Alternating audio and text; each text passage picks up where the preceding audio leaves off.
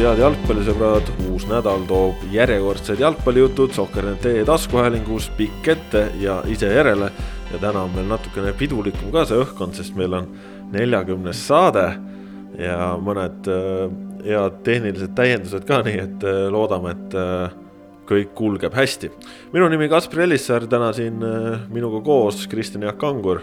tere, torti ei ole toodud, ma panen praegu tähele juubeli puhul no jõuab pärast äkki ja Ott Järvele ka. Ning joogid on samuti, ütleme, pidupäeva kohta ikkagi noh, arusaamatult äh, läbipaistvad. no aga kui veel on mull sees, siis ta on juba, juba mingisuguse no,. paistab läbi, ma näen praegu läbi pudeli vaadates kangurit ja sind ka. tahad öelda, et siis on luksuslik, kui juba gaas on sees, no hea küll no.. kus on minu ploomimahl, ma küsin seda tead ainult sina. aga tänase saate teemad siis sellised, et äh, alustame premium-liiga juttudega, hooaega meil veel küll väga lähedal ei ole. on ta isegi päris kaugel, aga vaikselt-vaikselt juba klubid asuvad ka selle suunas teele, et peaks hakkama trenni tegema ja peaks hakkama oma satsi kokku panema. Äh, ehk siis pusletükid liiguvad ja kui me oleme Premium-liiga jutud ära rääkinud, noh, lõpupoole räägime natukene ka uutest reeglitest, mida on ka juhendis omajagu, siis põgusalt räägime ka reedestest sündmustest, kui Karel Voolaidist sai püsivalt Eesti koondise peatreener, natukene sellest, et mida see uus aasta talle ja Eestile tuua võiks. Ja saate teises pooles siis käime siin talve puhul ka välismaa juures, sellepärast et välismaal nädalavahetusel toimus ka nii mõndagi huvitavat ja, ja ka täna päeval või hommikul tuli huvitavaid uudiseid. aga kõige tähtsam, kõige esimesena ja see on kahtlemata premium-liiga üleminekuturg. Tänane päev on toonud juba uudiseid, neid tuleb siin nädala jooksul veel, neid tuli eelmisel nädalal. hakkame siit riburada pidi minema, Sander Kapper, Tartu Tammeka noh, eelmise hooaja selge võtmemängija, väga oluline lüli ta seal tartlaste leeris oli, nüüd liitus tema Viljandi tulevikuga, oma kasvatajaklubiga. ja see näitab ikkagi, et tulevikul on sel aastal tõsi taga. Ott, mida sinu jaoks see üleminek justkui sellise tehinguna tähendab, mida see näitab sulle? et noh, mida see näitab, tähendab, Tammeka jäi ilma praegu oma kõige atraktiivsemast jalgpallurist. Ehm, kui me vaat-, mõtleme selle peale, et, et kes on mängija, keda äh, Tammeka publik äh, staadionile vaatama tahab tulla, siis ma väidan, et hooajal kaks tuhat üheksateist oli kõige rohkem selles rollis Sander Kapper.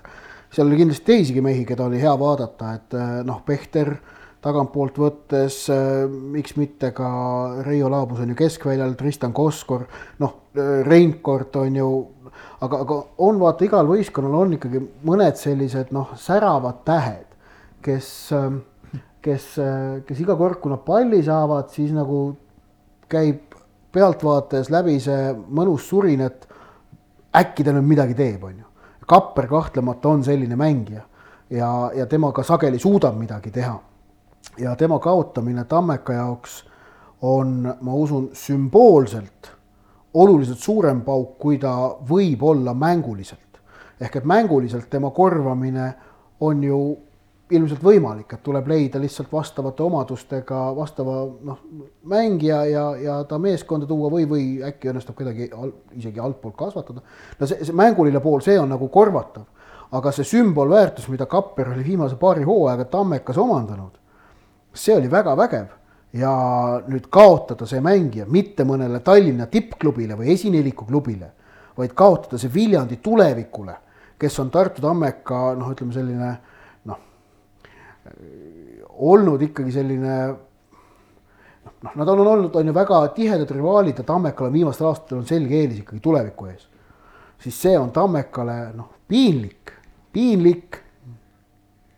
jah, selged rivaalid on nad Äh, täiesti kindlasti olnud, äh, mitte nüüd alati tabelis, just viimastel aastatel, nagu sa ütlesid, aga aga seal sellist põhimõttelist äh, hõõrumist on, on kõvasti ja, ja ütleme, et ega Tammeka jaoks nüüd see üleminekuaken selles mõttes liiga heade uudistega ei ole alanud, et, et, et kahjuks neil noh, omalt poolt veel praegu midagi uut ei ole tulnud.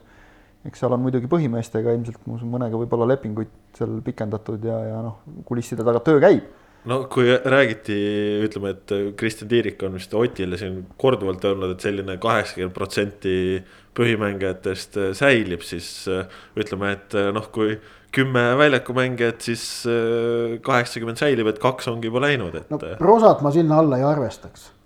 sellepärast, et tal oligi ju Tammekaga ikkagi aastane leping ja oleme ausad, Albert Prosa ei sobinud Tartu Tammekasse ka siis, kui ta veel mängis seal, no ta ei sobinud sellele meeskonnale ja tema koostöö selle meeskonnaga ei klappinud.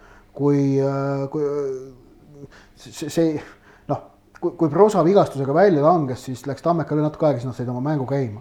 Ehk et äh, ta, mul on tunne, et ka tema selline meelelaad ei sobinud Tartu Tammeka meeskonda. üks on jah, see täpselt äh, see mänguline pool, nagu sa ka Kapperi kohta ütlesid aga teine on just see, see sümboolne pool, noh ka ütleme, et ikkagi see, et, et noh, prosaga läks nagu läks, loomulikult oli see ränk vigastus, me ei, me ei tea kunagi, et võib, võib-olla oleks ennast käima saanud, ma, ma pigem olen Otiga samas paadis, et kahtlen natuke, sest need esimesed mängud, kus ta veel terve oli, näitasid ära, et, et seda, seda üksteise mõistmist kohe nagu ikka üldse ei, ei kippu no,. võite, ma ei räägi sai... ainult mängulisest, vaid ma räägin ja. ka sellest ma ei tea, ma, ma olen päris kindel, et kui Albert Prosa siin hooaja oleks saanud mängida, ta oleks löönud väga korralikult väravaid, see, et algus läks raskelt, noh. Viljandi tulevik oli ka eelmise aasta alguses väga nagu nadis seisus, aga vaata, mis pärast sai või Kuressaare alustas väga hästi. ei, ma saan aru, et sa ei räägi, ma saan aru, et sa ei räägi, aga no, nagu mina ütlen, et Albert Prosa oleks olnud ikkagi väärtus praegu on see, et, et sina üritad tõestada ühte hüpoteetilist varianti ja meie Otiga siin nagu räägime teise hüpoteetilise variandi poolt, et ega me ei teagi selles suhtes. aga, aga just nimelt noh, ikkagi jah, see, see Kapperi minek otsese konkurendi juurde, see, see on valus pauk ja, ja tegelikult ta võib olla ka mänguliselt väga valus pauk, sest et noh, ütleme kulisside taga jutud liiguvad kõik asjad ei ole veel kinnitatud, aga, aga siin tulevik ju lubas äh, mitut üllatust, mitte ühte. et noh, Kapper kindlasti oli, oli üllatus, ega vist keegi seda hoiti, seda saladust ka hästi, et ega seda vist keegi ei julge, osanud nagu pakkuda küll väga avalikult. et äh, noh, Kapperilt ju eeldati, et ta tuleb kuskile kas Tallinna meeskondadesse või kuskile, ma, ma miskipärast arvan, et, et tema Äh, just nagu kuidagi noh, iseloomu ja, ja meelelaadiga see, see Viljandi sobib lihtsalt. noh, ega, ega ta, mulle tundub, et ta ise tunnetab seda ka väga hästi, et ega ta muidu sinna ei oleks läinud, kindlasti tal oleks olnud selle hooaja pealt võimalus siin läbi rääkida ka mõne Tallinna meeskonnaga. ja, ja teha selles mõttes noh, nagu hüpe edasi. aga, aga minu meelest Kapperi jaoks on ka äärmiselt tähtis, ta on mulle jätnud sellise mänge mulje, et tema jaoks on äärmiselt tähtis ka see keskkond, kus ta mängib ja ju ta siis tunnetas, et Viljandi on tema jaoks hetkel, hetkel parem kui me nüüd paneme juba kokku selle, et jätkab ka Aimar Saag. nüüd on Kapper. Saag tassis rünnakul kogu lugupidamise juures teiste meeste vastu tulevikku ikkagi suuresti üksinda. kui nüüd tulevik veel täiendab ennast mõne kõva mehega, ka ütleme ründavamal positsioonil, siis äh, teevad nad ka mänguliselt päris, päris kõva hüppe edasi ja ma pean just nimelt silmas seda, et, et ei jääks kogu see väravate löömise raskus enam äh, ainult äh, Kaimar Saagi kanda. Äh, siis noh, ütleme, et, et see võib selles mõttes nagu mänguliselt, vaatame, mida see Tammeka teeb, aga see võib neid sedapidi mõjutada küll. et, et Viljandi on nagu tundub tõsiselt härjal sarvist haaranud ja saanud aru sellest, et tänavu ei ole see hooaeg kus annaks enam nagu üleminekutega nii väga kaua venitada. tänu just nendele kompensatsioonimehhanismidele, mis võimaldavad pakkuda senisest kõrgemat palka, ütleme just sellistele Kapperi klassiga mängijatele, noh, see on teada, et, et kui sul on võimalus mingi koondislane saada, siis kuskilt sponsorite toega need rahad ikkagi kokku kraabitakse.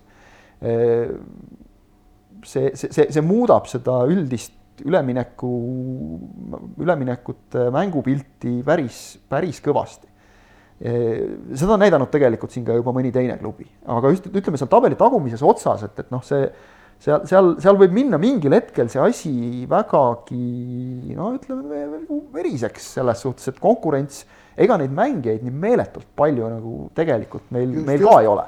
et seal, seal võib minna ikka väga kõvaks andmiseks mõne mehe nimel. sama asi, mis nagu tegelikult, mida me oleme näinud ju ka maailma jalgpallis, et et nüüd on, nüüd on natukene see jõudnud seoses solidaarsusmehhanismidega jõudmas ka premium-liigasse ehk et raha puudumises pole küsimus tingimata, vaid küsimus on eelkõige selles, et kust leida need sobivad ja eesmärkide täitmiseks vajalikud mängijad.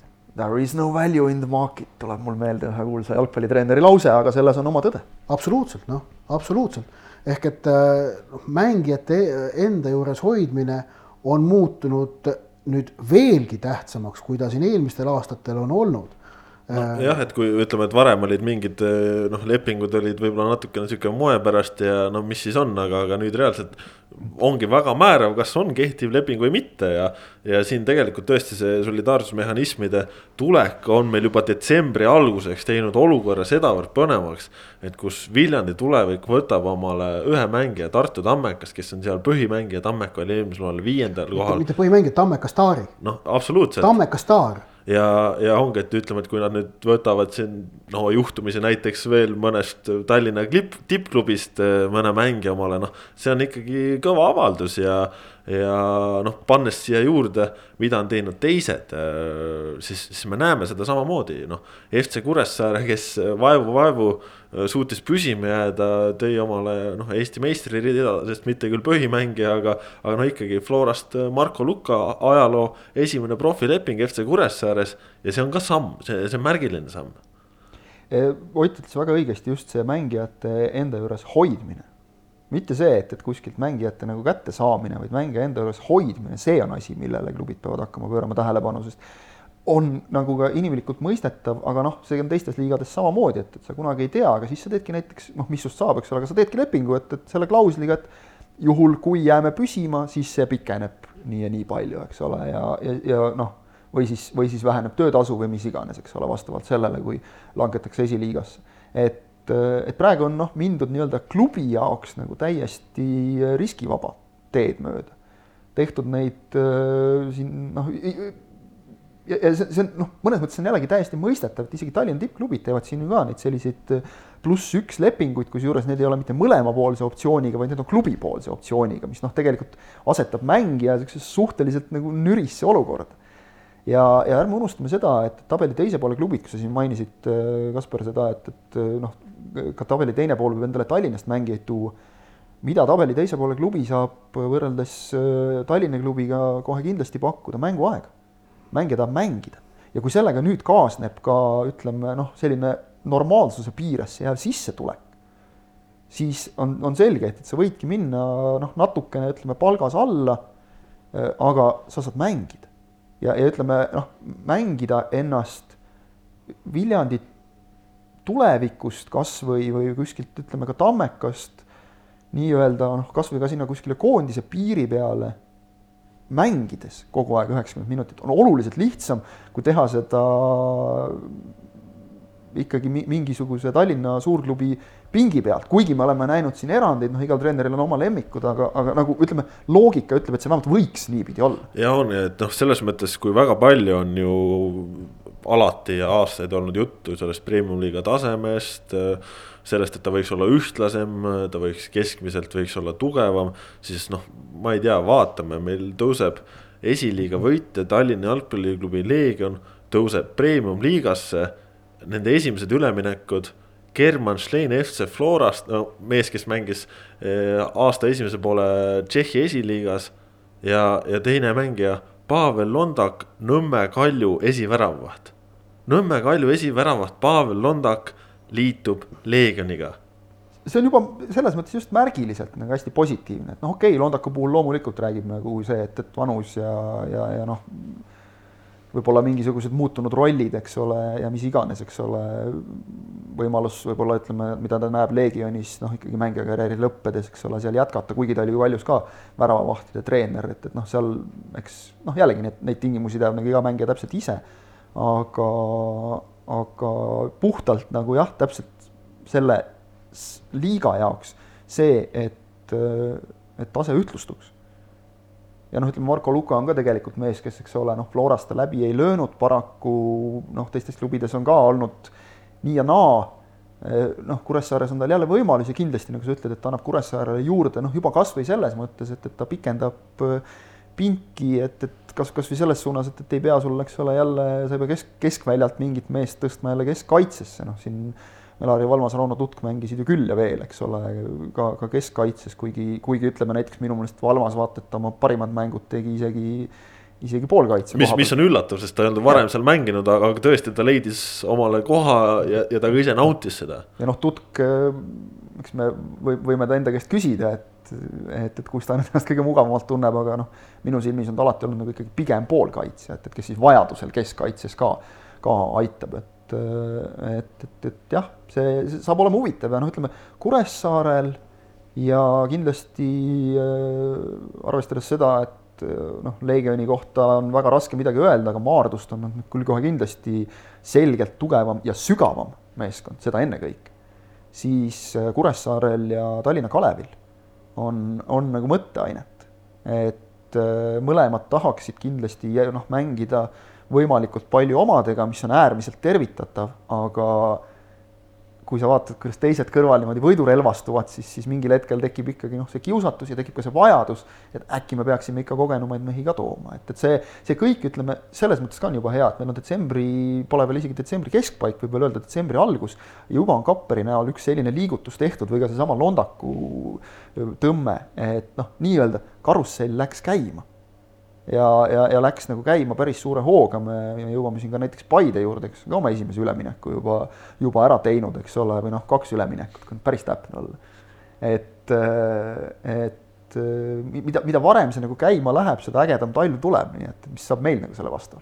Jah, ja noh, samas ongi, et ega tegelikult ju turul veel neid vabu mängijaid on ka ja, ja noh, tõesti on, on ka suurte juures neid. on, aga mitte igavesti, seda peavad nüüd klubid nagu arvestama, mingil hetkel sa võid arvestada, avastada, et oot-oot, et nüüd ma pean nagu hakkama juba siin opereerima. ja, ja samas mingite positsioonide peal on ka see, et, et tundub, et äh, kas võib hakata mängijaid isegi üle jääma või siis ei, või ei pruugi just vastupidi, mingitele positsioonidele piisavalt mängijaid olla vaba.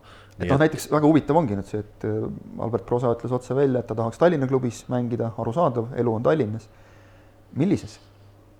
et äh, jällegi noh, me siin natukene nagu teda krit-, justkui kritiseerisime, aga, aga see ei tähenda, et, et ta mõnes teises meeskonnas äh, ei võiks jätkuvalt särada. No, ta, ega, ega kui... klass ju ära ei kao, et, et. no ta on olnud Eesti tippründaja ja ta on vaieldamatult üks tippründaja, mänginud välismaal, mänginud koondises, et siin noh. no jaa, aga ja, kui ta leiab sobiva keskkonna, siis okay, võib ta jälle sähvatada. ei no ründajaid on vaja nii äh, Levadial kui ka Kaljul noh, Tallinna klubidest rääkides. Tallinna Kalevi profiiliga noh, prosa pigem ei klapi ähm,. noh, seesama Leegion ka ikkagi. ja, ja, ja ka Leegionil, aga nüüd jah, et kas nagu ikkagi ütleme, prosa äh, ma kahtlustan, ta ei rahulda ei Kalju ega Levadia ambitsiooni sest et prosa ei ole praegu ikkagi mitte nüüd see ekskoondi-, ta, ta võib küll olla ekskoondislane, aga ta ei ole praegu mängija, kelle, kes oleks koondisele kasvõi ligilähedal, vaid ta on väga raskest vigastusest tagasi tulnud mees, kes äh, pole viimase, kes on viimase aasta aja jooksul mänginud kümmekond võistlusmängu Tartu Tammekast suurema tulemuseta. See vigastus on, on põhiküsimus, et, et kas keegi riskib ja ma usun, et tippklubid pigem seda hetkeseisuga vähemalt seda riski ei võta, ei saa veebruari välistada. lõpus on seis teine. täpselt, et veebruari lõpus, kui on noh, ütleme noh, toome ikkagi selle Hector Nunese näite, et, et kelle Kalju ka võttis nagu natukene noh, nii-öelda hädavariandina. et otsiti, prooviti siin erinevaid mehi hoitaks hirmsaid nägusid tegema, kui ma Hector Nunjase nime mainisin, aga no seda teevad kõik. maini seda teist meest ka siis ikkagi. Eugen Zasavitši. Zasavitši, jah. legendaarsed Nõmme mehed, kes lisasid esiliigale kõvasti. esiliiga B. esiliiga B-le, vabandust. kõvasti sära, jah. oleme korrektsed. aga noh, ütleme see, see Nunjase näide ei ole mitte nüüd jälle jumala eest Kalju kallal ilkumiseks toodud, vaid, vaid lihtsalt, et see on see näide, et sa vahel pead tegema selliseid otsuseid, et, et noh, sa ütleme nagu Levadia tõi endale Erik Moreno, eks ole, et sa, sa noh variant A kukkus laualt ja, ja sul variandi B valimiseks oli väga lühike aeg. ja, ja kusjuures CV mõttes Sasavitši tulek äh, Moldova koondises mänginud, kõik tundus olema ideaalne no.. Moreno näide Portugali kõrgliigas mänginud, kõik tundus olema ideaalne. no see on see mänginud, ei tea, mis aeg tagasi. ei no, aga iga vend ei mängi nendest. Sasavitšist olid ikkagi suurepärased Youtube'i videod olemas, kuidas sa ei võta meest sellise asja peale ja ei no noh, vot see on see mänginud, noh, ma võin sulle ka noh, noh, see, et ta on kunagi mänginud, ei tähenda ju hetkeseisu kohta midagi, et see. ei no hetkeseisu kohta ei tähendagi. statistika aga..., statistika järgi värbamine on selles mõttes väga keeruline Ei, aga et see tava. seda ju tehakse, seda jaa, ju tehakse, et CV põhjal hinnatakse. paraku tehakse, aga see on selles mõttes tavavusprotsent on kasin võrreldes sellega, kui variant A mängijat skautida niimoodi, et teda ka reaalselt vaadata või variant B, mis on veel parem, mängijat kasvatada. ja ei noh, muidugi selles mõttes, et jalgpallis on ju kõik asjad võimalikud ja juhusel ja asjadel on väga palju. aga nagu ründajate põud on premium-liigas suur praegu. ma lihtsalt toon selle lõpunäite, et no Julien Faubert, kuulus prantslane, kes jõudis mängida Real Madridis ütleme kümmekond aastat tagasi siin eelmisel või üle-eelmisel hooajal mängis Soome kõrgliigas, nii et. Stefan Kivark on maailmameister põhiründajana Prantsusmaal, üheks, Prantsusmaa põhiründajana üheksakümne kaheksandal aastal. kes, kas, kas keegi sellest mehest veel midagi teab rohkemat, väga mitte, viimased aga, aga ta on maailmameister. meenutame kasvõi, et nüüd tegu oleks kehva mängija, aga mängijaga, aga viimase EM-finaali väravalööja Eder, kes ei ole nagu enne ega pärast eriti mitte millegagi väga nagu silma paistnud no,. Venemaa kõrgliigas mängida on ikkagi väga okei okay. no,. jah, noh. no ma ja. nägin teda viimati, kui ta meistrite liigas seal Leverkuseni vastu sisse tuli, no ei olnud midagi. Aga et, et aga noh, ründajatest ja premium-liigast edasi rääkides, noh, Levadia on tegelikult seisus, kus neil on praeguse seisuga vaja kolme ründajat noh, vähemalt kahte, aga pigem kolme. Äh, sest et noh, Nikita Andreev pole lepingut pikendanud. ja noh, neil kedagi, ühtki ründajat neil hetkeseisuga ju palgal ei olegi, puhast ründajat.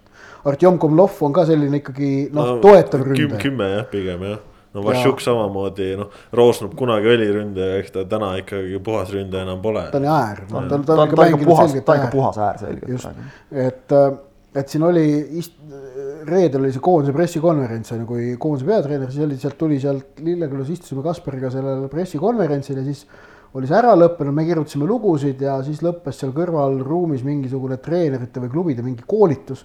Sealt tuli igast väga kiravat rahvast välja, oma koondise kogemust mingi mõnesaja mängu jagu, muuhulgas ka Levadia spordidirektor Sergei Boreiko. ja siis, siis noh, seal niimoodi noh, nagu tal ikka kombeks natukene lõõpis seal ja siis, siis ma küsin ka, et noh, et noh, Lili ju siis läheb teil kaubaks või sa ei ole kunagi niivõrd palju mööda pannud, Ott, oli umbes see vastus. mööda löönud, jah möö,. mööda löönud, mis see vastus, mis mulle tuli seal. et uskumatu, kui mööda sa praegu lööd, no okei okay., aga ma ütlesin, et noh, aga ründajat on teil ju vaja, et teil ei ole kedagi. Ja et noh, ma ütlesin, et teil on kolm vaja, ei viis, viis on vaja, sellepärast eelmine aasta tõime kolm, sellest ei piisanud. no niimoodi naljaga pooleks Pareiko seda seal rääkis, aga ütles veel ka, et meil tuleb super, super edurivi, oli, oli tema sõnum nii et noh, ootame huviga ja vaatame, aga ega, ega Levadial ja peatreener Reimil ja spordidirektor Bareikol, ega neil see lihtne ei ole nende ründajate leidmine, kes premium-liigas suudaks ikka hakkama saada. ja noh, noh tegelikult ka, et, et noh, neid näiteid, kui siia on toodud suurte lootustega ründajaid, kes peaksid hakkama siin võrke puruks lööma, on rohkesti, mida me nägime lõppenud hooajal. üks mängija suutis lüüa premium-liigas üle viieteistkümne värava, üks mängija kõik. tõsisel järel tuli nagu väga stabiilne rivi, aga minu meelest see oli siis Prosa, kes kunagi ütles, et, et kui sa nagu ründajana Eestis hooajal kakskümmend ei löö, et noh, siis on nagu hooaeg läbi kukkunud. Oma iva seal on, ütleme, okei okay,, ta rääkis seda sel ajal ka, kui noh, ütleme väravate löömine arvu poolest just nimelt oli lihtsam, sest et sul oli mingi meeskond, kellele sai neid taguda, et no ega me, ega me ilmselt neid siukseid Kabajevi ja Tšekulajevsi hooaega, ma väga loodan, et ei näe, sest see näitaks seda, et, et või, või Neemele see nelikümmend pluss, eks ole. see näitaks seda, et, et liigas on, on, on midagi natukene mäda, kui niimoodi tambitakse. no ja samas noh, kuna meil siin ikkagi kuulajatel ka teadmiseks, et meil siin ikkagi selline agendi rubriik käib ka, et me vahel ikka aeg-ajalt mingeid nimesid mainime, kes siis võivad hiljem tööpakkumisi saada. vahendame. siis, siis äh, tegelikult, kui noh, me räägime, et ikkagi on vaja tippründajaid, siis äh, üks tippründaja, kellel hetkel ei ole lepingut, on Henri Anier. kes sooviks küll ideaalis jätkata välismaal, aga kes kindlasti ei välista ka Eestis jätkamist, nii et. selline mees on ka tegelikult praegu puhkust veetmas ja, ja kui keegi tahab omale tippklassi ründajat, siis. helistage. kindlasti helistage ja, et noh ja nii on, nii on, et eks, eks neid selliseid üllatavaid asju võib tulla igalt poolt ja ja noh, saame näha, saame näha, mis siin ründajate osakonnas saab. kes tahab, saab moodustada endale ilmselt äh, ründepaari Anier-Anier nii et ja. on ka selline võimalus täiesti olemas. absoluutselt, aga läheme siit nüüd ka selle Paide juurde, sellepärast et Paide ka tegi nädala lõpus teatavaks selle, millest on kuluaarides pikalt-pikalt räägitud. Joosep Saliste Narva Transist nüüd Paide mängija ja, ja ütles Saliste ka ära siis muuhulgas Nõmme Kaljule. ja, ja miks ta ütles ära, Zahoiko lubas talle kohta Paide keskväljal, nii et Paide keskväli hakkab nüüd ka väga huvitavat ilmet võtma, et kui seal on meil Bruno Caprioli, kui meil on seal Andrei Frolov, kui meil on seal Saliste, kui meil seal Sinilait, kui meil sinna peaks jääma näiteks ka Henri Välja, siis no pole paha. Saliste toomine pigem viitab, et keegi ka lahkub ikkagi, no kõige reaalsem variant on muidugi Henri Välja, kes on noh, keda Paide pole salanud, et ta on nende jaoks müügiartikkel. et, et eks näis, kuidas sellega läheb, et, et muidu läheb seal ausalt öelda kitsaks äh, ikkagi selgelt äh, kitsaks, sest et seal on ju variante veel äh,. kas sa Siim Lutsu mainisid praegu? ma mainisin ainult äh, täitsa keskpoolikuid selliseid, no, kes võiksid keskel mängida, et noh, äärtest ma ei hakka rääkima, et Siim, Siim Lutsud, Edgar Turrid äh.... Luts mängis siin hooaja lõpus igasuguseid positsioone, nii et. no just, et, et aga Saliste tulemine Paidesse ja Paide eelistamine Kaljule, äh, ka see on märgilise tähendusega asi see, noh, nagu sa ütlesid ennem, et, et Leegion võtab Kaljult esiväravahi, okei okay,, selle augu paikas Kaljul rahulikult ära, et Marko Meeritsa asemele ja noh, kvaliteedi kaotust ei kaasnenud. Äh, äh, noh, selle üle võib, maitsele võib vaielda, kas see oli ka kvaliteedi tõus, ilmselt kerge oli, on ju. aga, aga noh, see, et kui nüüd noh, see, et Robert Kirst läheb Nõmme väljust ära ja läheb FC Levadiasse see, et Joosep Salistel on valida, kas eurosarjas kindlasti mängiv Nõmme Kalju või eurosarjas mitte kindlasti mängiv Paide linnameeskond, ta valib Paide. Need on ka märgilise tähendusega asjad ja, ja noh, ütleme see lisab vürtsi, lisab vürtsi, teeb maitset pikantsemaks meil siin Premium liigas. No ja maitset pikantsemaks kindlasti ju muudab äh, ka Gerd Kams, Paide värske spordidirektor ja, ja minu arust saab olema väga põnev näha, et äh, kui suureks siis kujuneb Gerd Kamsi roll just ka ütleme, esindusmeeskonna komplekteerimisel, et noh, teame ju. Levadia näitel spordidirektor Sergei Bareiko on väga selgelt selle eest vastutav. ta on A ja O põhimõtteliselt. no FC Floras ka Norbert Hurt spordidirektorina väga selgelt vastutav. et, et kas ja kui palju siis Kams oma, oma uues rollis seal neid niite nii-öelda tõmbama hakkab. mis on ka tegelikult täiesti loogiline, et see nii peabki käima meeskonna komplekteerimise kaudu, loomulikult koostöös peatreeneriga, aga ärme unustame seda, et äh, äh, spordidirektor on ju ikkagi vähemalt eeldatavasti klubisse võetud kauemaks ajaks kui peatreener, peatreenerid vahelduvad, spordidirektor on see, kes peab lähtuvalt kujundama klubi näo just, ikkagi. täpselt, lähtuvalt klubi filosoofiast äh, otsib vajalikke mängijaid, võib-olla noh, hetkel Flora ongi see nagu see kõige eredam näide selle kohta. eks ütleme, Kams on Paidele kindlasti jackpot selles osas, ma julgeks küll öelda. esiteks on ta mees, kes äh, on väga kaua Eestis mänginud. ei saa nagu eriti olla Eestis mängijat, keda Kams läbi lõhki ei teaks, ei tunneks. arvestades noh, eriti nagu tema lähenemist jalgpallile ja, ja nagu elule üldse, mis on, mis on läbi kumanud nüüd siin nendest karjääri lõpetamise intervjuudest ja noh, mida jalgpalli sees olnud inimesed teavad niikuinii. et noh, tema jalgpallilised teadmised, tema arusaam sellest tööst, ma eeldan, mida ta noh, on nagu kõrvalt näinud. see on Paide jaoks väga hea käik ma ütleks. minu arust on äh, kõige toredam on see, et äh, ikkagi Eesti tippjalgpalluri järjekordne siis jääb Eesti tippjalgpalli juurde ja. ja Eesti jalgpalli juurde, et see on väga-väga äh, hea meel on selle üle. ja mitte ainult kommentaatorina, vaid ka muudes rollides. ja just, just, just, just, et. et see, ütleme, see ju tegelikult ongi see noh, idee, miks, miks tegelikult on ka praegu nagu ikkagi hea näha, et ka premium-liigas meil on päris mitu endist mängijat on treenerid, et et, et noh, need on mehed, kes on ikkagi korjanud kogemusi ka, ka rahvusvaheliselt. Kamsi puhul noh, okei okay,, ta välisklubides väga pikalt ei mänginud, aga, aga noh, võtame kasvõi koondise karjääri, eks ole, et, et sa ikkagi näed, kuidas mingid asjad käivad noh, vähe, vähe kõrgemal tasemel, kui, kui, kui hetkel veel meistriliiga klubis ja arvestades seda, et, et Paide väga jõuliselt ikkagi liigub selles suunas hetkel ju ka veel, kus, kus on ütleme siin Flora või Levadia, eks ole, kes on seda juba aastaid teinud. et, et, et noh, neil on vaja inimesi, kes aitavad sinna, sinna suunda liikuda neil edasi, et, et selle, selles suhtes on, on Kams täiesti loogiline valik, ta ütles ka väga ausalt kohe ise välja, et, et Saliste on veel Jaanus Pruuli teema, nii-öelda tegevjuhi teema veel, sest et noh, see ilmselgelt ei sündinud nüüd üleöö, vaid, vaid siin tõenäoliselt jutud olid juba, eks ole, hooaja ajal ja käigus. aga, aga saab näha jah, keda, keda, kust ta toob ja ütleme, et, et noh, Paidel on ju tegelikult koosseisuga see, et, et noh, suures plaanis on kõik paigas. Äh, siin on vaja nagu noh, siit-sealt timmida natukene veel, keda neil on vaja, on äh, puhas ründaja. no jälle jälle, eks ole, vot huvitaval kombel, puhas ründaja ja. et noh, on olemas, eks ole, Neemel on nüüd lahkus, noh, on olemas Christopher Piht, kellel jumal paraku on olnud vigastustega väga palju probleeme ja, ja kes on ikkagi veel kuigi ta on tubli olnud, aga premium-liiga mõistes noh, noor ja, ja, ja ütleme, mängude arvu poolest ikkagi veel kahjuks kogenematu, kuna tõesti vigastused segasid sel ajal ka eriti palju.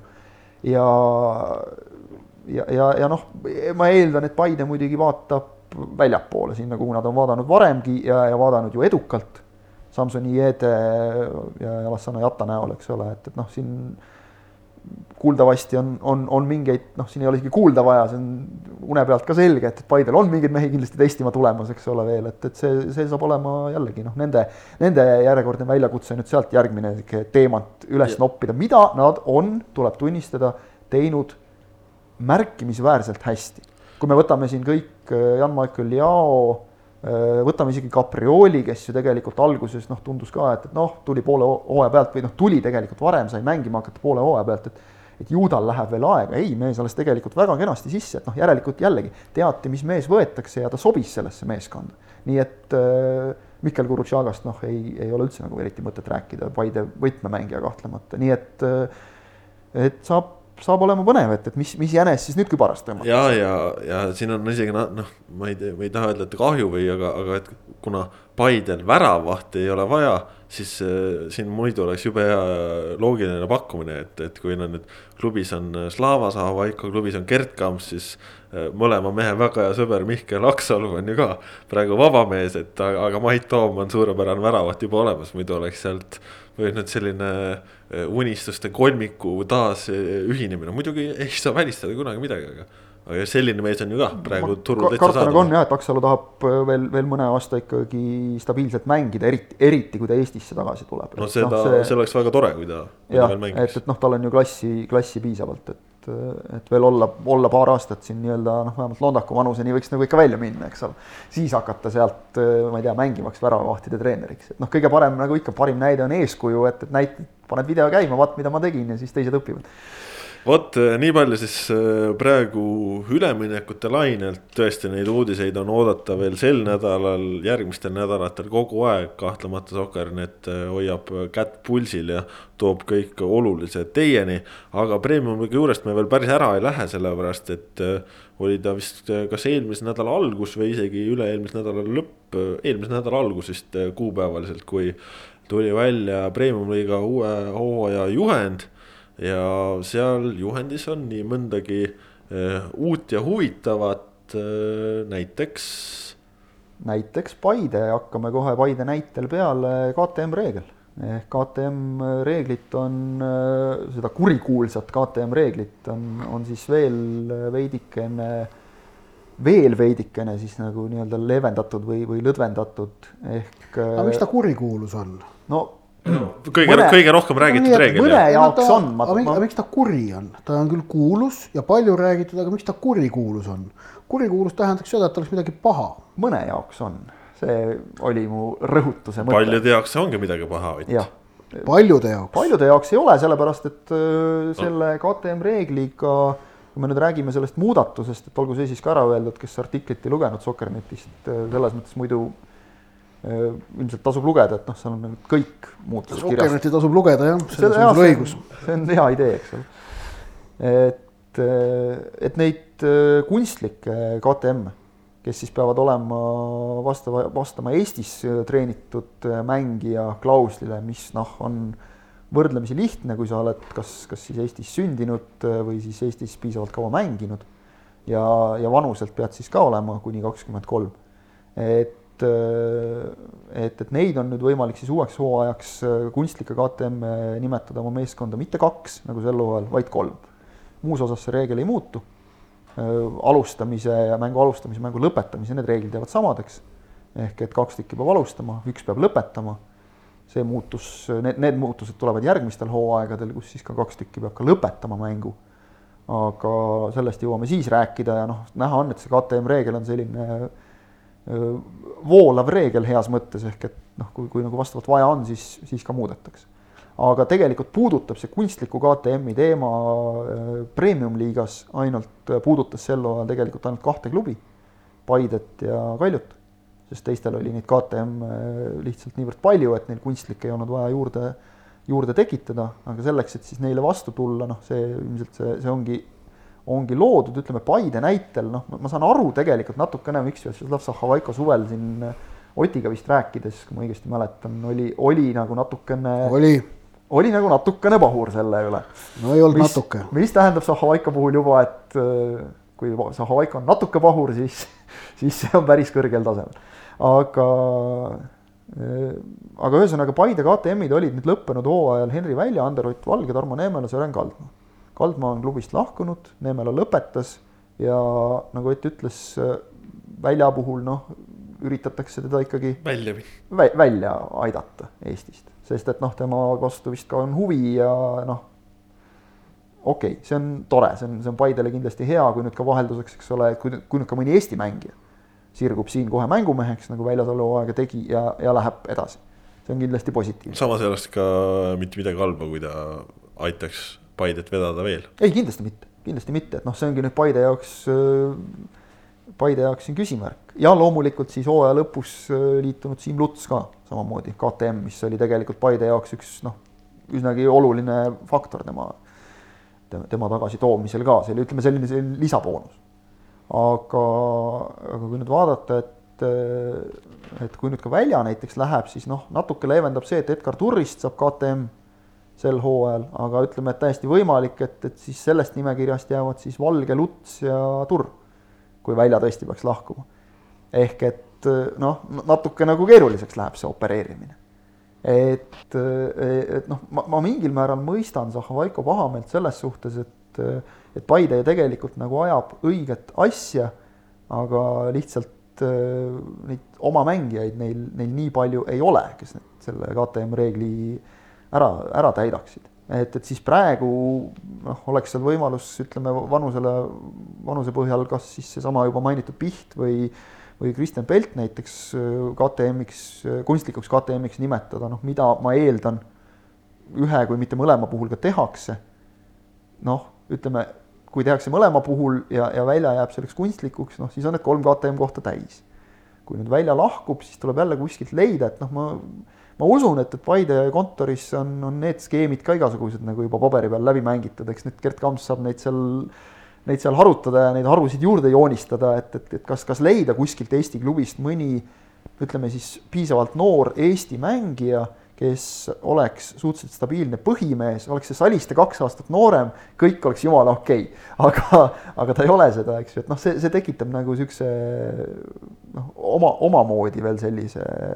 nojah, samas on selge selle Valiku, reegli täiendusega, et noh, see reegel on nüüd, ma ei tea, tänaseks päevaks nii lõdva ja lihtsalt täidetav, et, et vast sellega nüüd tule, tullakse toime no,. meil oli ju isegi esiliiga ja esiliiga B peal oli minu meelest ainult Volta, kes sellega nagu tõsiselt no, hädas oli ja ütleme, ja Volta noh, nad olid uus klubi, aga ütleme, et nende probleemid ulatusid ka nagu natukene kahjuks noh, jõudu neile, aga ulatusid ka kahjuks natukene sealt noh, väljakult kaugemale, mistõttu neil lihtsalt hooaja lõpus kuivas see mängijate ring natukene kokku, et muidu neil ilmselt ei oleks olnud probleemi ka selle täitmisega. just selle kunstliku KTM-i arvelt ja, ja noh, võib, võib-olla see on nüüd mõttekoht, et, et tõesti Volta-sugused sellised uued klubid, kes pildile tulevad, et noh, neil ei saagi neid KTM-e nagu kuskil olla. enamik klubisid ju tekib mingite klubide liitmisest kuidagi, et kui, kui nüüd keegi tõesti tahab luua nullist täiesti uue jalgpalliklubi, siis ei olegi ju võimalik noh, neid, neid KTM-e. see on ka tõsi, et Pavel neid... Londakust saab Leegioni KTM, et kuna ta on kunagi sealt alustanud vist. jah, jah. jah, mhm. et, et see on noh, nagu Siim, Siim Luts, kes on nagu ilmselt paljude jaoks noh, jah, okei okay,, vahepeal käis Levadias, aga kogu aeg välismaal mänginud, eks ole, paljude silmis nagu, et, et. no härra Florot unustada. jah, et noh, ühesõnaga on, on Paide KTM, on küll aga. oli ka Tarmo Neemele. aga sihuke üks sihuke huvitavam või, või ka sihuke tähelepanuväärne muudatus on ikkagi see, et. et kui me siin hooaja lõpus rääkisime ka veel, et päris mitu venda võtsid omale hooaja alguseks mängukeelud kollaste kaartidega, siis tegelikult seda ei tehtud, sellepärast et nüüd siis hoiatuste süsteem nii palju muutus, et kollaste kaartide mängukeelud ei kandu edasi uude hooaega, mis on, on mõistlik, see on üle, see on, ütleme nii, et see on üle maailma praktika tegelikult see, et kumuleerunud kollaste kaartide võistlused ei lähe edasi järgmisesse võistlusesse. Äh, punaste kaartide omad muidugi lähevad, et see on nagu selline suht tavapärane praktika. Bogdan Vassiuk jätab endiselt vahele hooaja esimese mängu ja kui mingi klubi otsustab endale tuua Joao Morelli. kes on ju ka vaba ründaja. kes on vaba agent täiesti, et. no siis... ründajad ei ole noh. no, no seda või... ütleme, Morelli võib-olla. ründajalaadne läheb... toode no Morelli... ma, ma arvan, et võib-olla siin oligi, et Morellit kasutati liiga madalal äkki, see võis olla. jah, võis olla küll, et Morelli nagu terve see hooaeg minu meelest oli selline, et ei liha, ei kala ehk et noh, ei, ei olnud nagu ründav poolik, ei olnud nagu ründaja, siis ta kuidagi kõlkus seal kahe vahel, et, et noh, ei, ei tulnud seda hooaega, mida loodeti. Levadia üks, üks suuremaid altminekuid ilmselt arvestades ka mehe palganumbrit. aga, aga jah, et, et noh, punased kanduvad edasi, see on täiesti normaalne aga, aga... see, et, kollastele nagu nii-öelda kui hooaeg läbi saab, siis joon alla tõmmatakse, see on, see on ka täiesti normaalne. aga olulisemad muudatused on allpool, kus siis. Äh, korra öeldes KTM-i reegli puhul lihtsalt noh, ilmselgelt äh, Nõmme Kaljul on, on kõige suurem nagu mõttekoht, sest Robert Kirss, kes lahkus, oli KTM. Äh, Kaspar Paur on praegu kunstlik KTM ja hetkel Kalju ridades Äh, ühtegi sellist noort mängijat, keda, keda kunstlikuks KTM-iks teha saaks põhimeeskonna ridades, ei olnud. duublimehi äh, saab vajadusel aga äsja on tulnud ka uudis, et KTM Reginald viibib testimisel Šotimaa kõrgliiga klubis Hibernian no,. huvitav, huvitav temal... küll, kuidas ta neile silma võis jääda, aga. ja tal ju no, leping läbi ka. jah no,, tal on, tal on leping läbi ja, ja Reginald oli nende KTM, noh, see ütleme nii, et, et see testimine noh, viitab ka sellele, et ja see, et tal Eestis lepingu pikendust ei ole, viitab sellele, et ta on ka ülima tõenäosusega lahkumas. Äh, Vitali Teleš on KTM, kellest nüüd Marko Meeritsa tuleku järel noh ma arvan, et kui ta saab rohkem kui ühe käe sõrmedel premium-liiga mänge eeldusel, et Meerits püsib terve, siis on paras ime. ja, ja siis äh, jääb veel Peeter Klein. nii et äh, noh. noh, Klein, kui ta on terve, on Kalju esiründaja praegu seisuga. aga äh, ta on üks mees. Neid on natuke rohkem vaja ja just nagu sa ütled, Klein, kui ta on terve, hooaeg on pikk.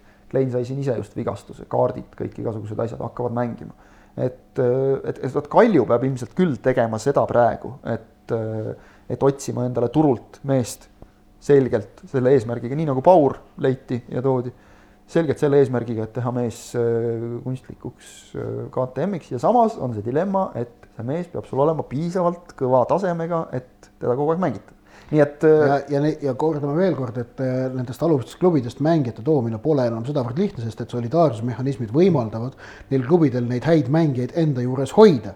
Äh, neil ei ole noh, ütleme puhtalt rahaga nende ütleme, Tallinna tippklubisse meelitamine on keerulisem. no ja, ja ka kui palju on praegu alumites, alumistes klubides nii palju selliseid noori mängijaid, kes oleksid kohe Eesti tippklubis põhitegijad no, jah. omaette küsimus on ju, aga. Nad juba oleksid Eesti tippklubides. ärme selle peale praegu mõtlema hakka, räägi U kakskümmend üks muudatusest. U kakskümmend üks ja, ja selleks, et sinna liikuda, ongi just hea mainida veel ühte fakti, mida me tegelikult oleme oma saates korduvalt rõhutanud. Kaljo Tuubel jätkab esiliiga B-s, mitte esiliigas. ehk et noh, toome suvalise näite, Tammeka noorel, kui tema duubel mängib esiliigas noh, ei, ei ole nagu loogilist põhjust liikuda. Muutus siis jah selline, et, et esiliigas saab edaspidi maksimaalselt olla neli U kakskümmend üks laiendiga duublit või noh, üldse duublit ühesõnaga. uuel hooajal on kolm, sest et Tallinna Kalevi duubel langes esiliiga B-sse. Need võivad siis olla, jaotuda need kohad ka nii-öelda ütleme kaks ja kuus, et noh, see on selge, et, et kui, kui kukub neid rohkem sinna esiliiga B-sse esiliigast, siis loomulikult sealt kedagi nagu välja viskama ei hakata. Aga, aga jah, kui meil uuel hooajal mängivad Tallinna Kalevi, Nõmme Kalju ja Paide U kakskümmend üks meeskonnad esiliiga B-s, siis selles mõttes on seal kõva konkurents, et esiliigas on praegu kolm kohta täidetud, noh, ütleme üpris raske on lõppenud hooaja pealt näha, et, et uuel aastal nüüd Flora Levadia või Tammeka duubel välja kukuks esiliigast.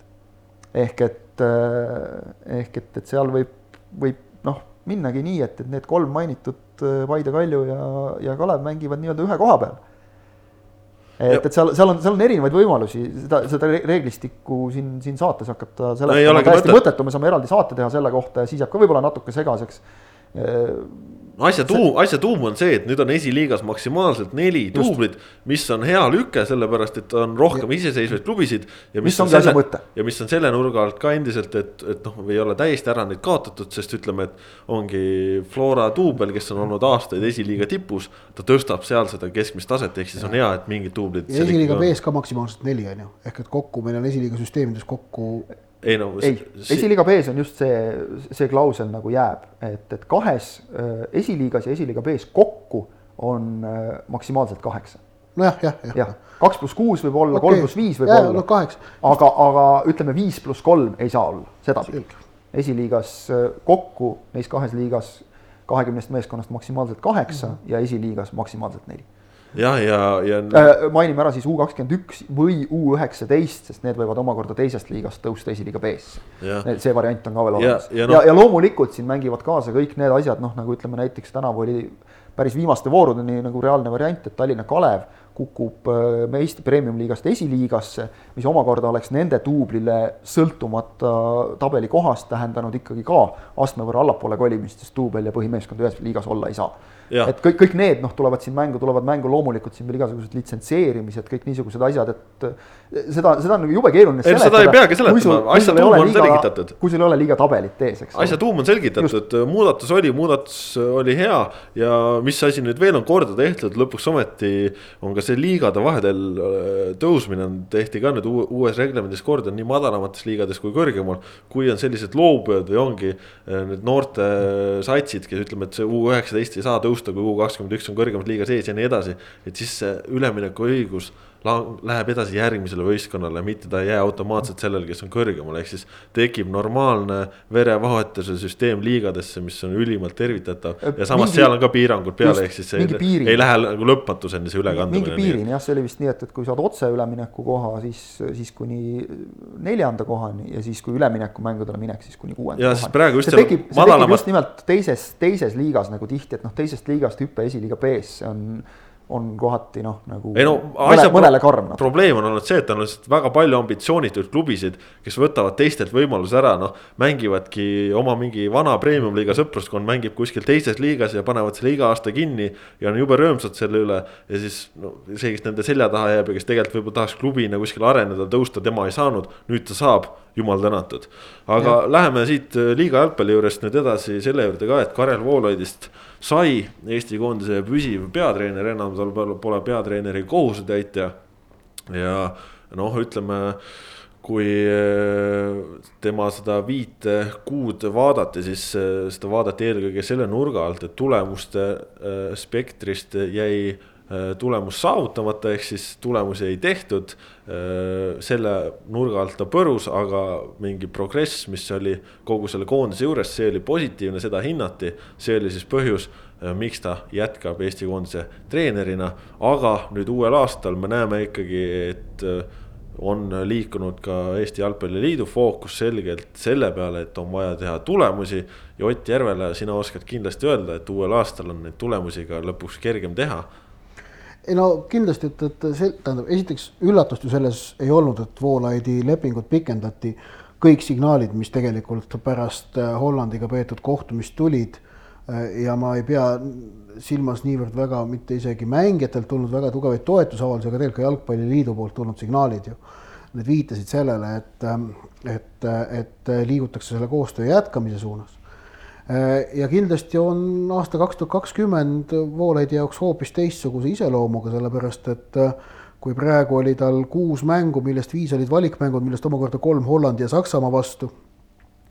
ning, äh, ning ütleme siis, siis kaks tuhat kakskümmend toob ju maavõistlused esmalt, esmalt kaks maavõistlust märtsis, siis juunis on Balti turniir pluss veel üks maavõistlus ja siis sügisel Rahvuste Liiga C-divisjoni turniir ja ütleme noh, võib ju praegu suht kindlalt öelda, et sedamasti ühiskonnad nagu Holland ja Saksamaa, et sellistega Eesti järgmisel aastal ei kohtu mitte kordagi. sest nii palju, kui me teame, need maavõistlused, millest praegu on paigas, on ju ainult Uus-Kaledoonia. et need ülejäänud kaks, mis tulevad, et noh, need ei ole midagi sellist A-kategooria satsid, need ei ole midagi sellist B ja C kategooria vahepealset ehk sellised nõnda öelda jõukohased vastased. ehk et kokkuvõttes jah, et noh, need on nagu need mängud järgmisel hooajal, aastal siis, kus nagu öö, on, on näha, et kas Voolaid peatreenerina suudab ka tulemust teha. jah, ja no kui, kui sa mainisid neid maavõistlusi, siis tõesti no, Aivar Pohlak ütles ju sellel pressikonverentsil ka, et ta kolmele tippkoondisele ütles ära, ehk siis kui seni on olnud Eesti Jalgpalliliit tuntud selle poolest, et suudetakse korraldada noh, nii-öelda treeningmatšidena või maavõistlustena noh, tõeliste tippkoondistega neid kohtumisi ja noh, on meil siin ju käinud Brasiiliad ja, ja Uruguay'd ja, ja nii edasi ja, ja me oleme muul ajal. Brasiilia käis mõnevõrra teistsuguse no, jah, ütleme, kokkuleppe alusel. jah, no okay. oleme siin mänginud Portugalide ja asjadega no, ja nii edasi. kõige parem näide. Horvaat-, ei noh, kaks tuhat kaksteist EM-il mängiti Horvaatia ja Ukraina ja Prantsusmaaga näiteks on ju. kaks tuhat kuusteist äh, sai Portugal harjutada paraku meie peal, kuidas äh, EM-il palju väravaid lüüa ja võita see EM no. lõpuks, et noh, see ütleme, olles seal kohapeal olnud, siis noh, neil oli ilmselt tore, eestlastel mitte nii väga, et, et no. see, me, me, me oleme praegu seisus, kus noh, ütleme suure koondisega noh, ma ei taha öelda, et niikuinii pakk tuleb, eks ole, aga ütleme, no ei saa lubada nagu seda ohtu, et, et järjekordselt praegu on vaja see, mida me rääkisime ka eelmises üle-eelmises saates, et, et see emotsionaalne tõus, see on vaja nagu kätte saada, et selles mõttes mulle meeldib, et sellest on noh, ka selgelt minu meelest nagu koondises aru saadud, kui nüüd öeldakse, et, et ikkagi see Balti turniir on oluline. et me, me läheme, noh, fännidele see, see, see on tähtis, see on eneseuhkuse allikas, ütleme nii, et isegi mitte võib-olla niivõrd selle turniiri võitmine, kuivõrd selle turniiri siis mitte kaotamine lätlastele või leedulastele. ja no. ma, ma kusjuures vaatasin, ma pean siin arvestus, omal arvutusfaili ka, kus mul on kõik need koondise mängud, kus ma olen kohapeal viibinud ja, ja see noh, viimased umbes kümmekond mängu, no väga punane on see, ma pole ikka ammu oma silmaga näinud Eesti koondist võitmas, sest noh, seal äh, enamik meist ei ole heas kohas sooja, soojal maal ei käinud, kus, kus eelmise aasta alguses need asjad õnnestusid, ehk siis äh, no tõesti noh, neid tulemusi on vaja. sa viitad Gibraltarile, kus mu arvuti tahtis ära lennata laua pealt või? ei, see, mis oli enne seda. okei okay,, seal ma seal ka ei käinud jah. see, kus Gerd Kams lõi ilusa värava, et äh, noh, selles mõttes äh, selles mõttes, ma arvan, et see on nagu üliratsionaalne ja mõistlik samm, et no mängime enam-vähem omasugustega ka.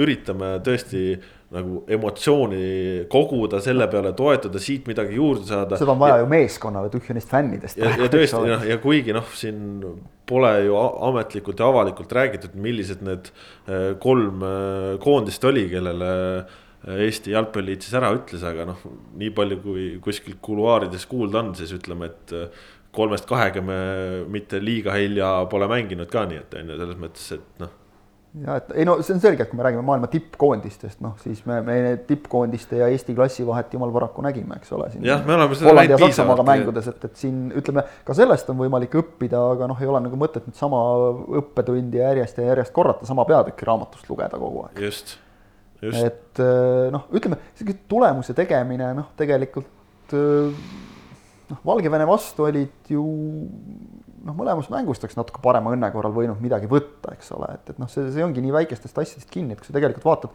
kogu seda valiktsüklit, noh siis Valgevene ja Põhja-Iirlastega mängisime tegelikult mängud, mis noh, oleksid, ütleme, võinud minna ka mõni mäng teistpidi ja, ja oleks, oleks mõni mäng läinud teistpidi, ütleme, meil ei oleks sealt mitte viik ja kolm kaotust, vaid meil oleks näiteks ütleme noh, võit ja kaks viiki ja kaotus ja, ja see oleks juba nagu täitsa talutav ju.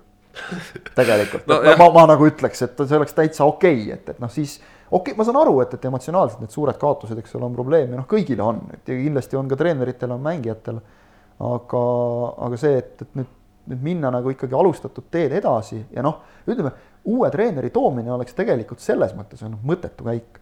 et, et see oleks selle viimased pool aastat muut-, noh, peaaegu nullinud, peaaegu nullinud, sest uus treener, eriti me teame Eestist, no ei, ei ole võtta praegu hetkel meest, kes, kes koondist, koondist veaks ja need noh, neid kandidaate veel on, aga, aga kõik ühel või teisel moel ilmselt peavad veel natuke aega küpsema. ja, ja välistreeneri toomisel no ikkagi paratamatult on see, et ma vaatasin huvi pärast ka siin eh, enne saadet, et, et ega tegelikult Euroopas, Euroopa koondistel nagu liiga palju neid muult maalt toodud treenereid ei ole, loomulikult neid on aga noh, ütleme näiteks see, et, et kui Slovakkiat juhendab Tšehh või, või ma ei tea, San Mar-, San Marinot juhendab Itaalia treener või, või. no see jah, see see, see nagu noh, üks, üks Põhjamaade treener, ütleme noh, Rootsi, rootslane Islandit, eks ole, noh, see, see on nagu, need on ikkagi samad koolkonnad, eks ole, või mingid samad nagu jalgpalliloogikad. et, et leida kedagi meile ei meeldi seda öelda, aga oleme ausad, ega nüüd see Eesti koondise peatreeneri koht nüüd mingi tohutult nagu apetiitne ka ei ole, juba puhtalt muide selle tõttu, et ta on koondise peatreeneri koht mitte klubi, see juba tõmbab nagu koomale, et äh, noh. ning oleme ausad, kui praegune olukord, millest Karel Voolaid on ka ise mitmel poolel rääkinud ja on rääkinud ka Aivar Pohlak ja on rääkinud terv-, tegelikult terve Eesti jalgpall. noh, et koondise noorenduskuur on osaliselt küll toimunud, ta peab jätkuma äh, praegu tuleb teha lisaks tulemusele ikkagi ka jätkuvalt samme, mis vaatavad tulevikku, siis välistreener, kui ta tuleks siia, siis tema ainukene eesmärk oleks tulemus.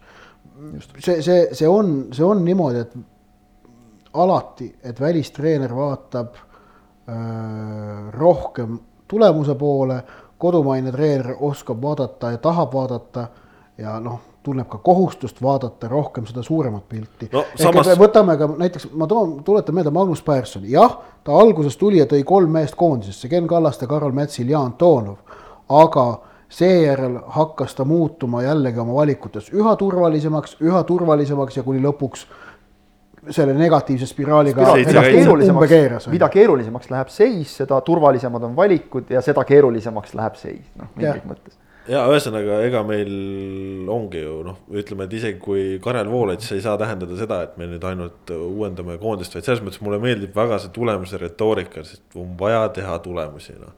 et. Need asjad peavad tasakaalus olema selles mõttes ja, ja noh, mulle tundub, et, et praegu neid üritatakse tasakaalu viia ja arvestades seda, et, et meil noh, meil tõesti oli ikka mingil hetkel nagu selge kriis ja probleem, et noh, ka kasvõi selles osas, et lihtsalt ei tulnud nagu ka neid noori mängijaid väga palju peale, kes koondise taseme välja veaks. no saame näha siis, milliseks see koondise aasta kujuneb, igatahes loodame, et sellel ja. pannakse väga ilus algus juba märtsikuus, kui Sanja Dmitrijev lööb oma lahkumismängus Uus-Caledooniale värava. ja hoiame pöialt oh,, oh. hoiame pöialt, et Eesti mängijad saaksid äh, korralikesse enda tasemele vastavatesse välisklubidesse, nad seal mängida saaksid. see on ikkagi kõige nagu kindlam alus sellele, et koondisel võiks hakata jälle hästi minema ja minu meelest see on põhiline asi, mis eristab seda Eesti koondise kuldaega, kui me olime EM-ile väga lähedal ja, ja praegust aega, et seal on need käärid kõige suuremad, mitte tingimata peatreeneri isikus. Läheme nüüd välismaa juurde ka, Ott Järvela Venemaal on täna kurb päev või on natukene vähem kurb või, või? tavaline alles... päev Venemaal sinine esmaspäev. said, said jälle, said jälle ühe dopingukaristuse. ja, et rahvusvahelise antidopingu agentuuri juhatus ehk et WADA juhatus täna hommikul siis määras äh, Venemaale nelja-aastase suurvõistlustel osalemise keelu, mis kätkeb siis endas suve- ja taliolümpiamänge vastavalt Tokyos ja Pekiniks kaks tuhat kakskümmend, kaks tuhat kakskümmend kaks ning öö, äh, kõikide nagu arusaamiste kohaselt ka kahe tuhande kahekümne teise aasta maailmameistrivõistluste jalg, maailmameistrivõistlusi jalgpallis ähm, tuleb rõhutada, on oluline, et see keeld tähendab, ei tähenda siis seda, et Venemaa sportlased ei võiks seal osaleda, vaid et nendel võistlustel ei ole Venemaa lippu, ei ole Venemaa hümni, ei ole mitte mingisugust Venemaa sümboolikat. Äh, tribüünidel võib olla? vabandust? kas tribüünidel võib olla? Äh, tribüünidel. inimesi ei saa ju keelata ilmselt. saab. saab ikka saab, põhimõtteliselt saab, äh, aga ähm, see äh, tähendab siis, et me näeme ilmselt neil võistlustel sarnaseid moodustusi, nagu oli PyeongChangi taliolümpiamängudel OAR võistkond. Äh, ja noh, ütleme ongi, et noh, jalgpalli inimesi puudutab see kõige rohkem siis kahe tuhande kahekümne teise aasta MM-i silmas pidades. ja just praegu nägin, et FI, noh, vaatan siin lindistuse ajal ka natukene telefonist Twitterit, siis seal on näha, et et FIFA on andnud niivõrd palju teada, et nad on selle otsusega nüüd kursis ja uurivad, mis täpselt see tähendab.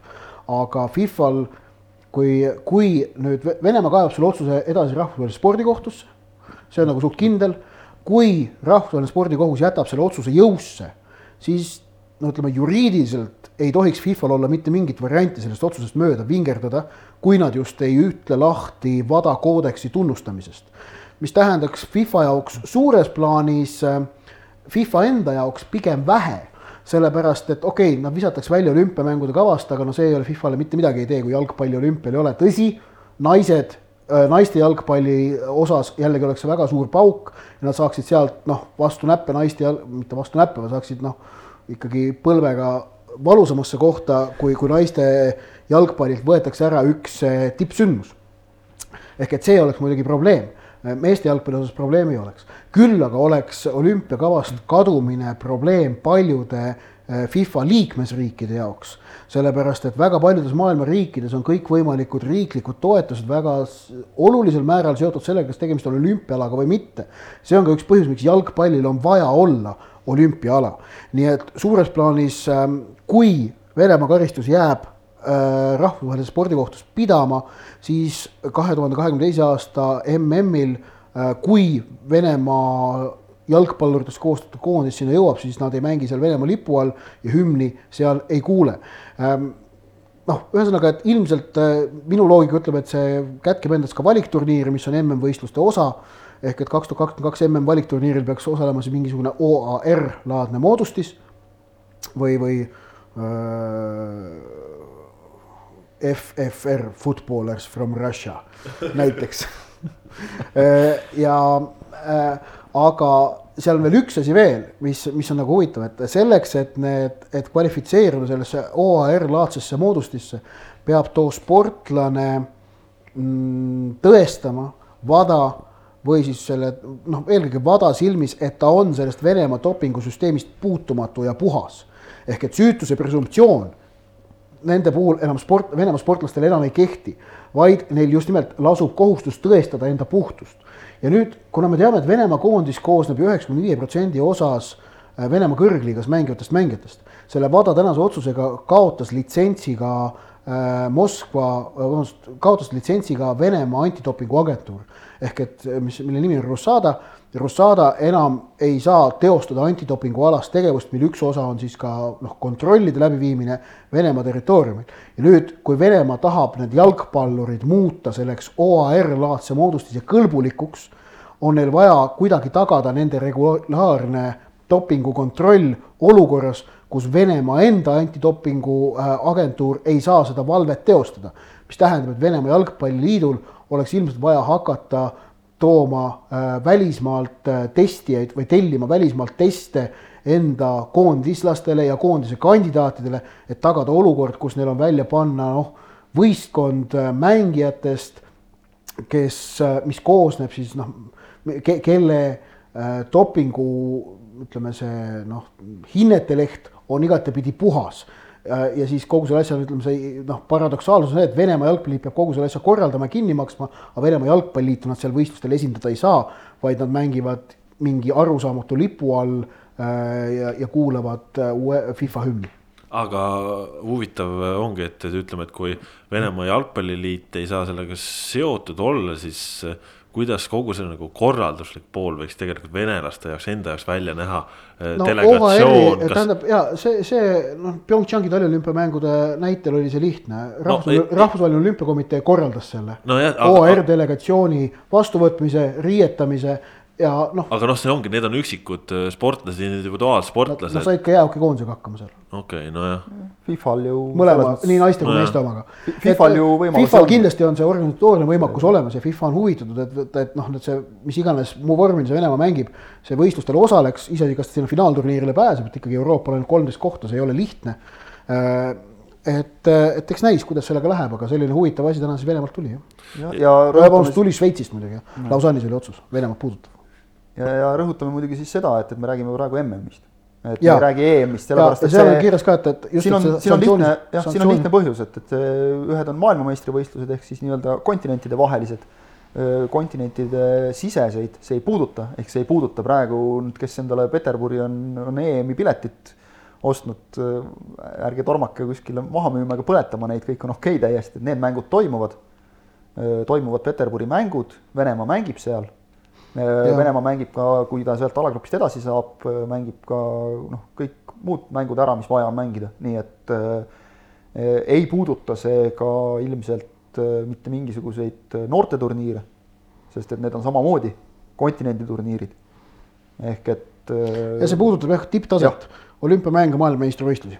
just, et, äh, et selles mõttes jah, ei, ei ole seotud, aga, aga noh, saab muidugi olla, olema selles suhtes huvitav, et täpselt nagu sa ütlesid, kas või seesama dopingukontrollide teema, et, et see noh, ütleme FIFA ja UEFA suhtumine nagu dopingusse jalgpallis on, on kuidagi alati olnud selline omapärane, kuidagi nagu kergelt tõrjuv.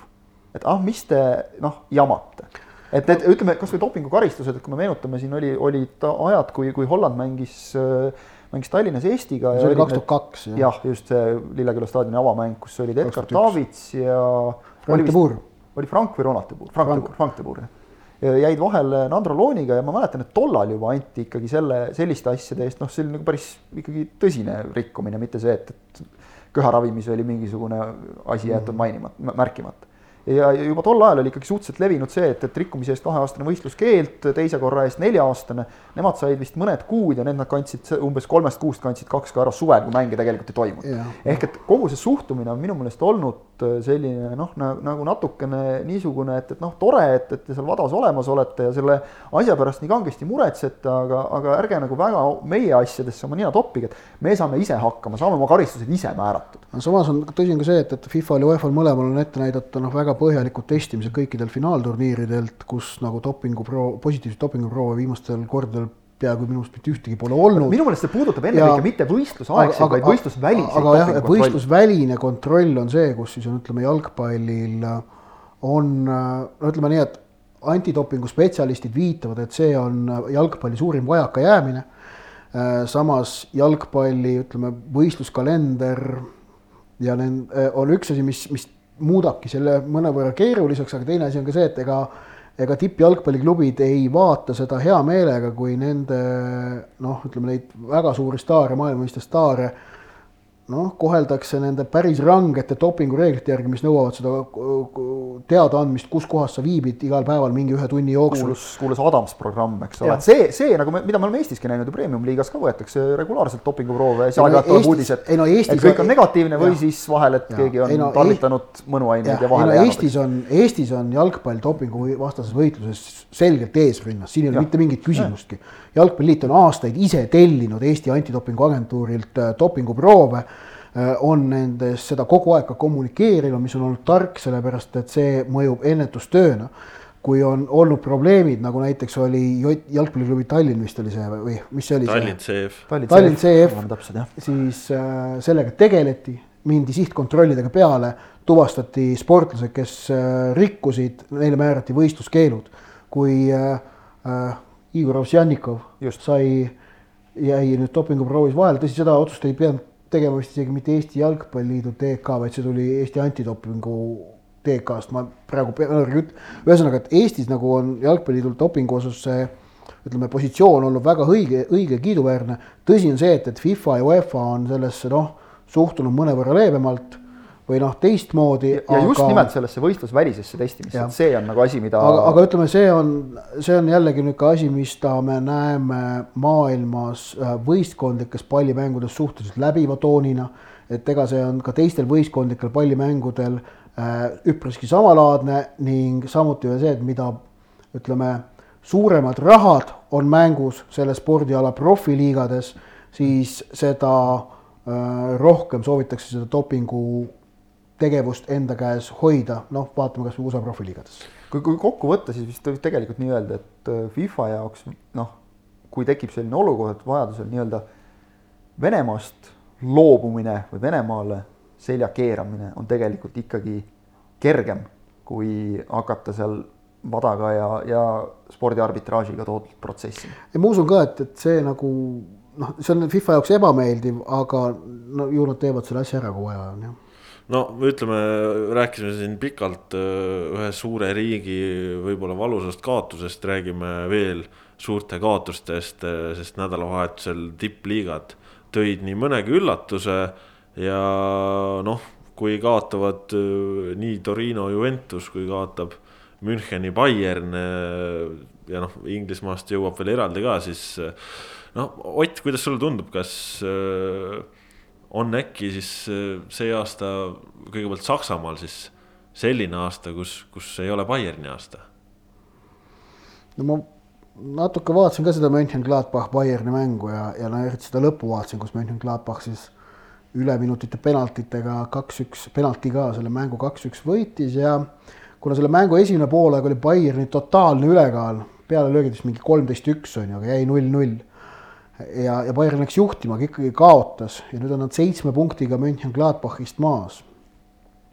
no siin noh, ja mingid märgid on õhus, et Bayernis asjad ei toimi.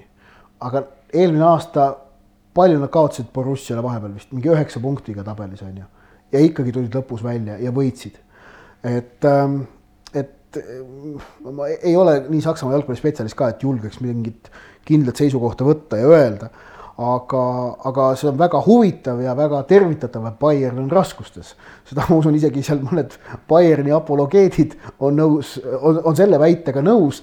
see väljakutse, millega Bayern on nüüd silmitsi, on kahtlemata väga huvitav ja see, kuidas Mönchengladbach toda mängu mängis no jällegi mingid sellised Leicester City kaks tuhat kuusteist jooned lõid sealt välja mingites nüanssides aga no see, see, ütleme seda Leicester City motiivi on hakatud ka ilmselt ma ise olen samuti patustajal, seda, seda kasutatakse nüüd juba liiga palju. aga, aga selge on see, et Mönchengladbach on mingid asjad endal niimoodi väga hästi toimima saanud. ja seda oli noh, nad, nad, kuigi nad olid avapoolel tohututes raskustes, siis oli selgelt näha, et see võistkond ei kaotanud kordagi usku, et nad saavad sellest Bayernist kokkuvõttes jagu ja see lõpuks nad võidule viiski. no see Jan Sommeri ühe näpuga palli joonelt päästmine see oli kõik filigraanne, kes ei ole näinud, siis tõesti äh, löök tuli Sommeril niimoodi külje alla, kõigepealt see pudistas selle selja taha ja siis sai ühe näpuga palli joone peal pidama. umbes jah, sentimeeter, poolteist jäi see pall veel joone peale, nii et. see ühe sõrmega peatamine, see oli, see, selles oli elegantsi, ütleme niimoodi, kas ta nüüd päris nii tahtis, aga aga Bayernil ma ei tea, äkki mõjus see, et, et nad äh, vahetasid treenerit, eks ole, siis Dortmundi neli-null kloppisid kohe, et, et noh, see nagu tekitas tunde, et võib-olla täpselt see, et küll me välja tuleme.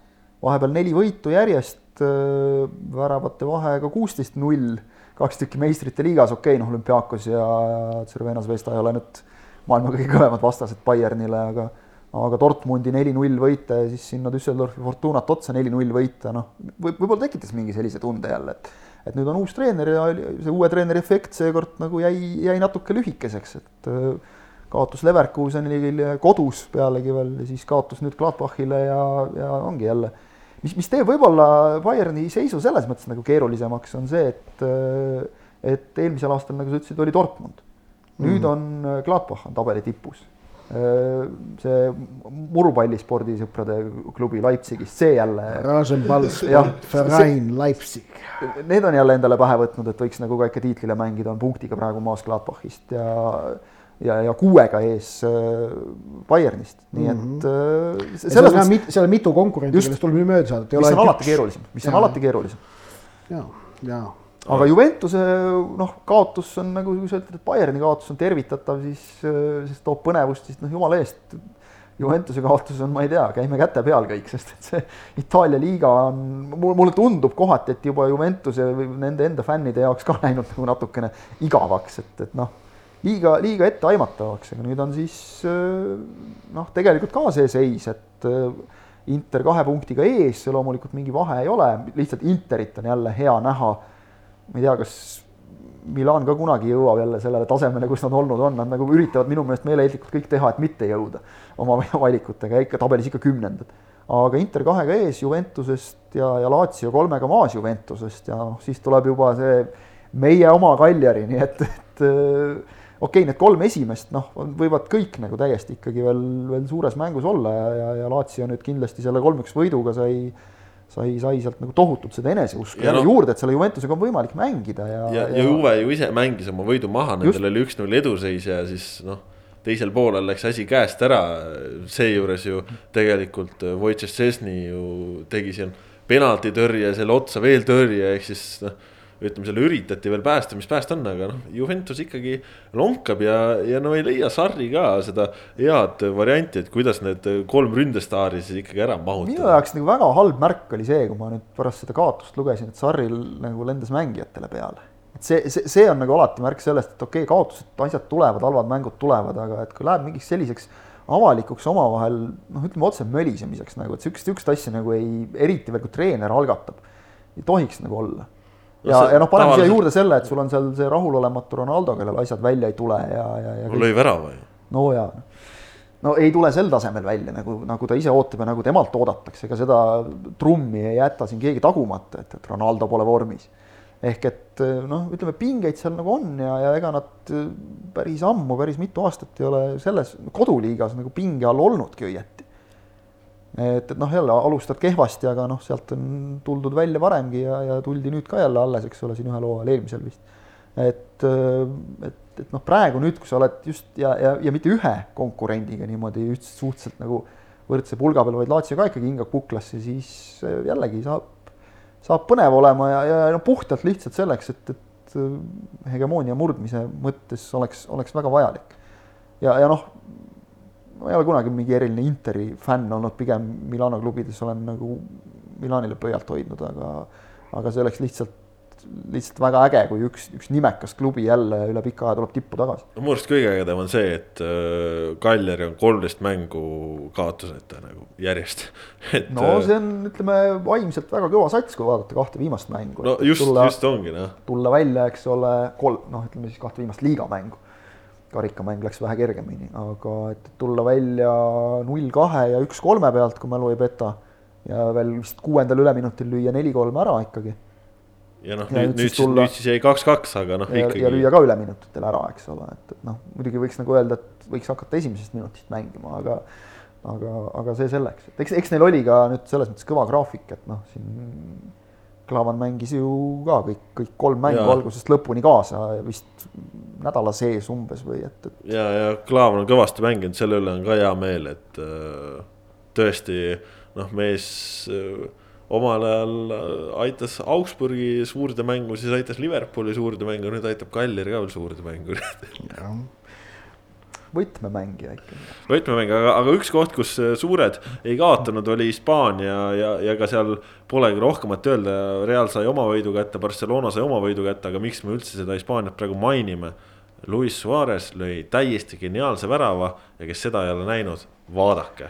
ja seda ei ja saa kirjeldada. ma tahan ikkagi ühte asja veel mainida, see on Joaquin, Real Betisi kapten, legend, kolmkümmend kaheksa aastat, sada nelikümmend päeva vana mängid oma karjääri viiesaja kolmekümne kolmandat mängu Hispaania kõrgliigas. vastaseks Atletic Bilbao Athletic, kõrgliiga seni kõige parema kaitsega meeskond ja mees, siis Real Betis läheb kahekümnendaks minutiks kolm-null juhtima.